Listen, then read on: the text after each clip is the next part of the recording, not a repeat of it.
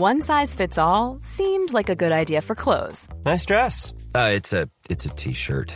until you tried it on. Same goes for your healthcare. That's why United Healthcare offers a variety of flexible, budget friendly coverage for medical, vision, dental, and more. So, whether you're between jobs, coming off a parent's plan, or even missed open enrollment, you can find the plan that fits you best. Find out more about United Healthcare coverage at uh1.com. That's uh1.com.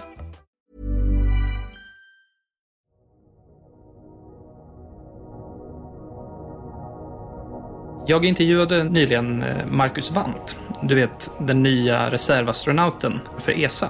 Han hade lite bra saker att säga om ny teknik. Vi kan ju lyssna vad han sa. när jag eh, gick på testpilotskolan i USA då hade jag ny teknik som startsida. Mm. Eh, var, så varje morgon när jag loggade in på, och det var en ganska stressig miljö, så var det ändå varje morgon, och han jag inte så var det varje lunch ändå, så scrollade jag igenom lite. Det var bra. Ja, Någon perfekt. form av förankring tillbaks till det tekniska Sverige i alla fall. Just det. Så det kanske är det som är det bästa tipset om du, om, till de som vill bli astronauter? Ha- Ja, ja, ny teknik som startsida. Då är det, that's the way. Precis. Exakt, han tycker då att ny teknik som startsida är det absolut bästa sättet att bli astronaut. Vad säger du om det? Mäktigt. Eh, Jag håller med.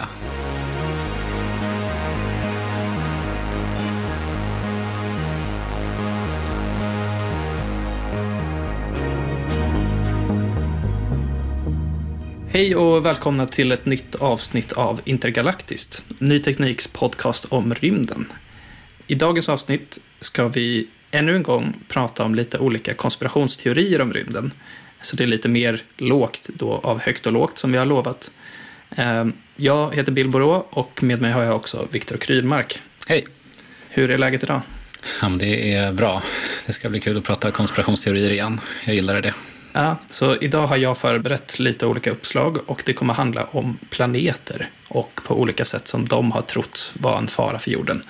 Kanske inte direkt vilka planeter som helst, det kommer inte bli Mars och Venus och så, utan lite mer främmande planeter. Spännande. Eh, Jag tänkte att vi börjar med en planet som kallas planet 9. Och eh, en konspirationsteori som kanske tog sitt ursprung i en tweet som lades ut av The New York Post 2016. Och i den här tweeten så skrev de att en nyligen upptäckt planet skulle kunna förstöra jorden så snart som den här månaden. Det känns ju ganska seriöst för att vara från ja, men en, en tidning som The New York Post. Uh, Ja, men gud ja. Det är, om jag inte minns helt fel, alltså det är inte New York Times, så det är fortfarande lite liksom deras motsvarighet till typ, ja men någon lite mer lättsam eh, kvällstidning, men eh, ändå. Mm. Visst, men även om till exempel, låt oss säga Aftonbladet, Expressen skulle gå ut med en sån här nyhet så, så finns det ju de som ändå vill ta det på allvar. Eh, Ja, men gud ja. Jag minns det där och eh, jag minns namnet också. Det var ju, det skakade om lite. Ja, det känns som att det var en ganska stor händelse på Twitter. Jag var inte särskilt aktiv, men som tur är så hände ju inte det här. Vi är kvar här. Eh, Men jag tänkte att vi kan gå igenom grunden till varför de ens la ut den här tweeten till att börja med. Och det börjar med en, en studie som är skriven av Michael Brown, även känd som mannen som dödade Pluto, och hans kollega vid Caltech som heter eh, Konstantin eh, Batygin. Mannen som dödade Pluto. Underbar titel, eller hur? Ja, eh, jag antar att du pratar om planeten som inte är en planet och inte hunden. Exakt. Så han har ju fått det här namnet och verkar själv ha accepterat titeln. Pluto-dödare då. Eh, för att han, han var en stor del att driva igenom, som du sa, eh, att Pluto inte längre skulle klassificeras som en planet. Just det. Så han gjorde mycket forskning på andra dvärgplaneter som finns längre ut i solsystemet. Eh, som är lika stora eller lite större. Och det här ledde ju då i slutändan till att Pluto tappade sin planetstatus. Sad. Ja, alltså det, han har fått väldigt mycket skit för det här. För han har sagt i några intervjuer så här att det är mest vuxna människor som hade Pluto som planet när de var mindre som hör av sig och är lite sura. Medan barn verkar ha accepterat att ja, men, Pluto är inte en planet. Men förändring Ja. är väl alltid jobbigt antar jag. Ja, men eh, varför blir, varför blir de sura för det? Alltså är det så här typ, men det här lärde jag mig i skolan så det är det som stämmer. Eller är det det som gäller? Exakt, det är väl det att man gillade att det fanns eh, en till planet och att den hette Ja. Pluto. Jag vet inte riktigt. Precis, det kanske, det kanske sabbar någon sån där minnesramsa eller något. Just det. Men den är ju ändå på slutet, så det borde ju vara lätt att skippa det. Sant. Om man inte räknar utifrån in då. Men den tappade också sin eh, planetstatus på grund av att den här himlakroppen då, eller dvärgplaneten, har asteroider och andra rymdstenar i sin bana när den åker runt solen. Och tydligen för att det ska vara en planet så ska man liksom över tid ha ja, men, absorberat eller rensat bort alla de här asteroiderna. Och det är tydligen någon sorts egenskap som en planet måste ha enligt definitionen av den internationella astronomiska unionen. Men vi kan eh, återvända till då den här planet 9 och vad det är. Mm. Ehm, för det här då, I början av 2016 så la Brown då fram en teori med sin kollega om en nionde planet. Och det här skulle vara en planet som skulle vara i storleksordningen mellan jorden och Neptunus.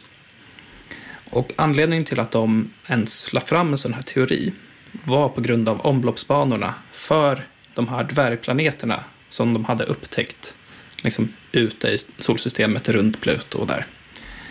På grund av hur de rörde sig så liksom, la de fram den här teorin och eh, ganska snabbt så tyckte de att de hittade mer bevis på det här.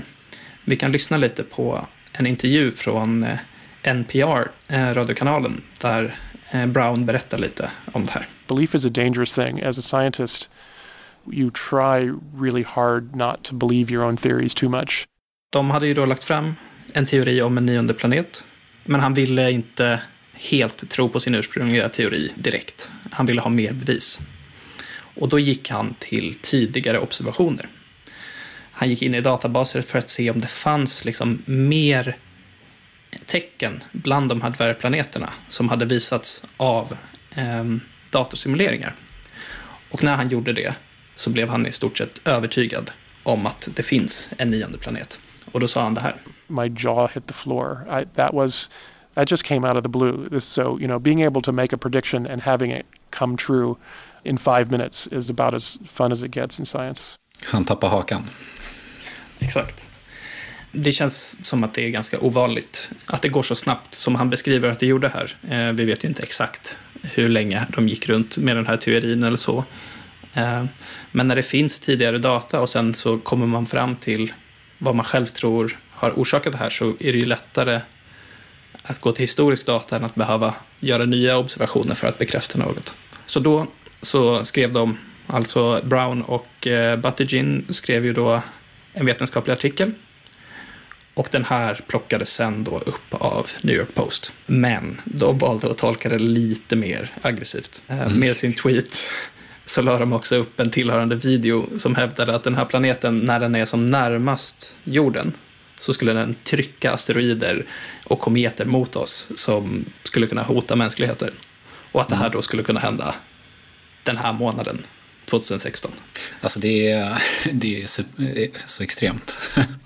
Ja, men det, det är kul med, med forskning när det liksom är, det går så långt att man, är, ja, men man läser en rubrik eller man läser en, ja, men ett abstract till en eh, vetenskaplig text och sen så väljer man att bara, ja men nu kör vi, nu har vi något här. Mm. Det känns lätt att göra det misstaget själv, men det, är- det är väl Ja, därför men man gud, ja. alltid ska försöka prata med, med forskarna, antar jag. Det är väl därför det blir lite knäppt eh, när tidningar bildsätter så här, eh, NASA hittar spår av eh, utomjordiskt liv med Ja. liksom en eh, ritad alien. Fast, det kanske, fast det bara är celler typ de hittar. Det man hittar är väl ofta kanske antingen så kan det ju vara vissa molekyler som eh, är vanliga i, i liv. Eller så kan det vara tecken på vissa molekyler eller ato- atomer i atmosfärer som man vet bildas av organiskt liv. Eh, och det kan man ju se liksom då att, med spektrografer och sådär att vissa ljusvåglängder som korresponderar till en viss molekyl eller atom eh, saknas, eller är extra tydlig, beroende på vilken sorts spektrografi man gör. Eh, och då, då är det väldigt, väldigt överdrivet, som du säger, att lägga in en liten grön gubbe på en sån. Men, eh, men det är ju också kul. Eh, det är väl så man får läsning. Det är väl det. Men alltså, det är också skillnad på att eh, ha en, en grön alien på bild och liksom skriva att jorden går under om en månad. Verkligen. Pluto-dödaren Brown då, han var ju snabbt ute på Twitter och eh, dementerade det här. Han var också väldigt tydlig med att säga att ah, den, planeten finns ju inte förrän vi har sett den. Eh, och det är väldigt många astronomer som inte heller tror på att den här planeten finns där ute. Mm. Eh, även om hans liksom, data och eh, teorier har någon sorts grund i vetenskap så, så har vi ju faktiskt inte observerat den här planeten. Så det går inte att säga att den, att den finns. Nej. Så vi får väl vänta och se om någon hittar den här. Brown sa i alla fall det här eh, för att avsluta det här segmentet. I want to see it. I want to know what it's like. I want to see that it's really there. Väldigt snabbt. Ja, han vill verkligen se den. Exakt.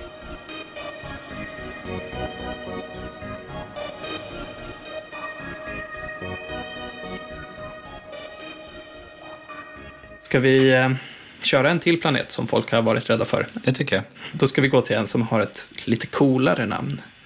Så istället för planet 9 har vi nu planet X. Okej, nu snackar vi. Alternativt Nibiru. Den mm. verkar ha kallats båda. Och det här är en planet som enligt då vissa konspirationsteoretiker någon gång i början av 2000-talet skulle, eller fortfarande ska, kollidera eller nästan kollidera med jorden. Det ska alltså komma en stor planet som ska befinna sig i slutet på vårt solsystem långt bort. Och den ska komma hit och förgöra oss, eller vad man ska säga. Så det, är nästan, det är nästan ännu mer eh, aggressivt än ja, men en planet som ska trycka asteroider hit. Eh, ja. Så är det en planet som faktiskt ska komma och, och kollidera med oss. Så den har typ valt ut jorden för att kollidera med? Det låter ju nästan så. Det är lite oklart. Den har en ganska rolig bakgrund, just den här teorin. Um, själva namnet eh, Niburu det nämns först i en bok som hette Den tolfte planeten. Eh, som skrevs av en person som heter Zachariah Sitchin eh, 1976.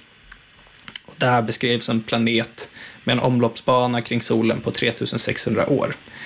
En planet som inte finns, vad vi vet.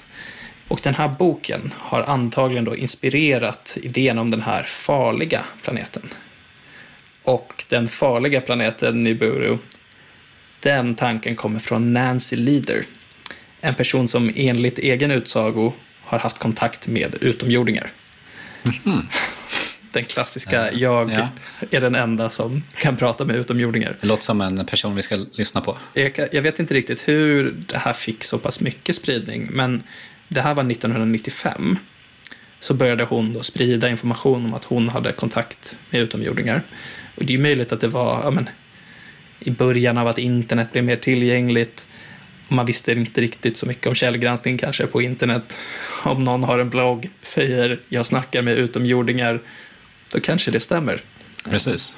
En blogg är lite lika trovärdig som en tidning. Liksom. Så hon hävdade då att hon hade kontakt med eh, utomjordingar som ska ha hållit till i ett stjärnsystem som heter Zeta Reticuli. Och de ska då ha berättat för henne att den här jättestora planeten är på väg hit. Fan vad deppigt om det där skulle vara sant. Men det sköna med det här är att det, det har ju inte hänt än. Nej, det skulle ha hänt, eller? Ja, exakt. Mm. Sen vet man ju inte hur exakta sådana här spådomar är. Det är ju möjligt att utomjordingarna har missat, liksom, när de pratar engelska med den här personen, eller hur de nu kommunicerar, att de har missat liksom en siffra eller så. Ja, uh, precis. Det är lätt hänt faktiskt. Men i, i det första fallet så hade hon sagt 2003 i maj. Då kommer den. Uppenbarligen hände inte det. Nej. Sen 2012, det klassiska undergångsdatumet. Då började folk koppla samman just Maya-kalendern med det här kan vara det som händer. Mm. Minns du vad du gjorde 2012, den dagen som folk Nej. var räddade?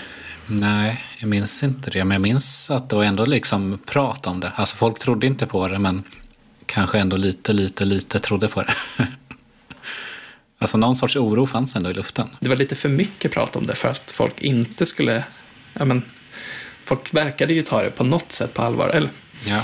Så det, det var lite kul ändå. Ehm, jag minns att vi satte upp någon sorts skolpjäs med gymnasiet, tror jag, den dagen eller dagen efter. Så det var, det blev ju tema lite 2012 ja. på efterfesten som var sådär. Ja, det var skönt att det inte hände något. Nej, ni kunde genomföra er, er pjäs. Den finns tyvärr på YouTube, så jag ska Jaha. inte prata för mycket om det.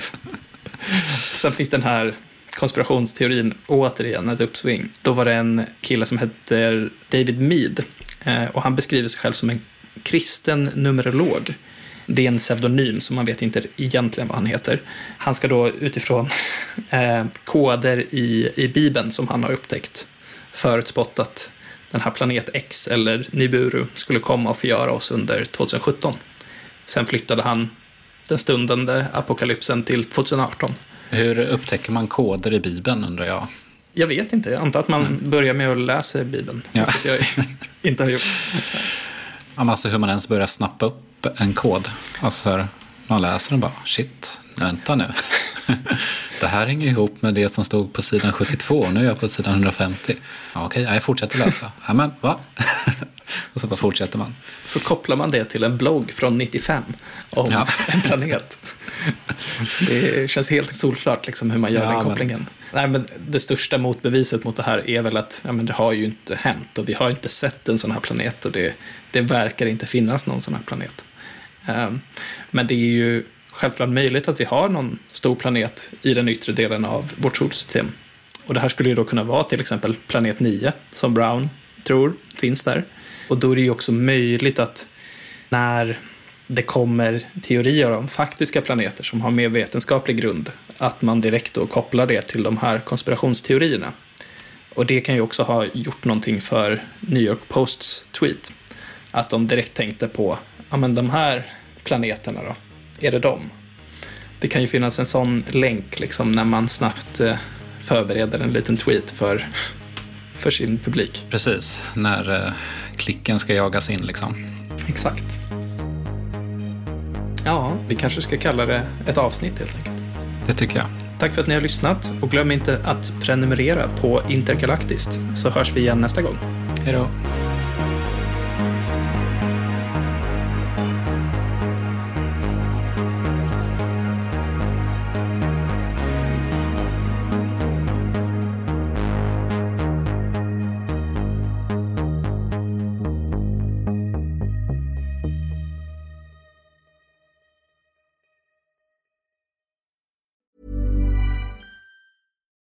It's Paige DeSorbo from Giggly Squad. High quality fashion without the price tag. Say hello to Quince. I'm snagging high-end essentials like cozy cashmere sweaters, sleek leather jackets, fine jewelry, and so much more. With Quince being 50 to 80% less than similar brands. And they partner with factories that prioritize safe, ethical, and responsible manufacturing. I love that. Luxury quality within reach. Go to quince.com slash style to get free shipping and 365 day returns on your next order. Quince.com slash style.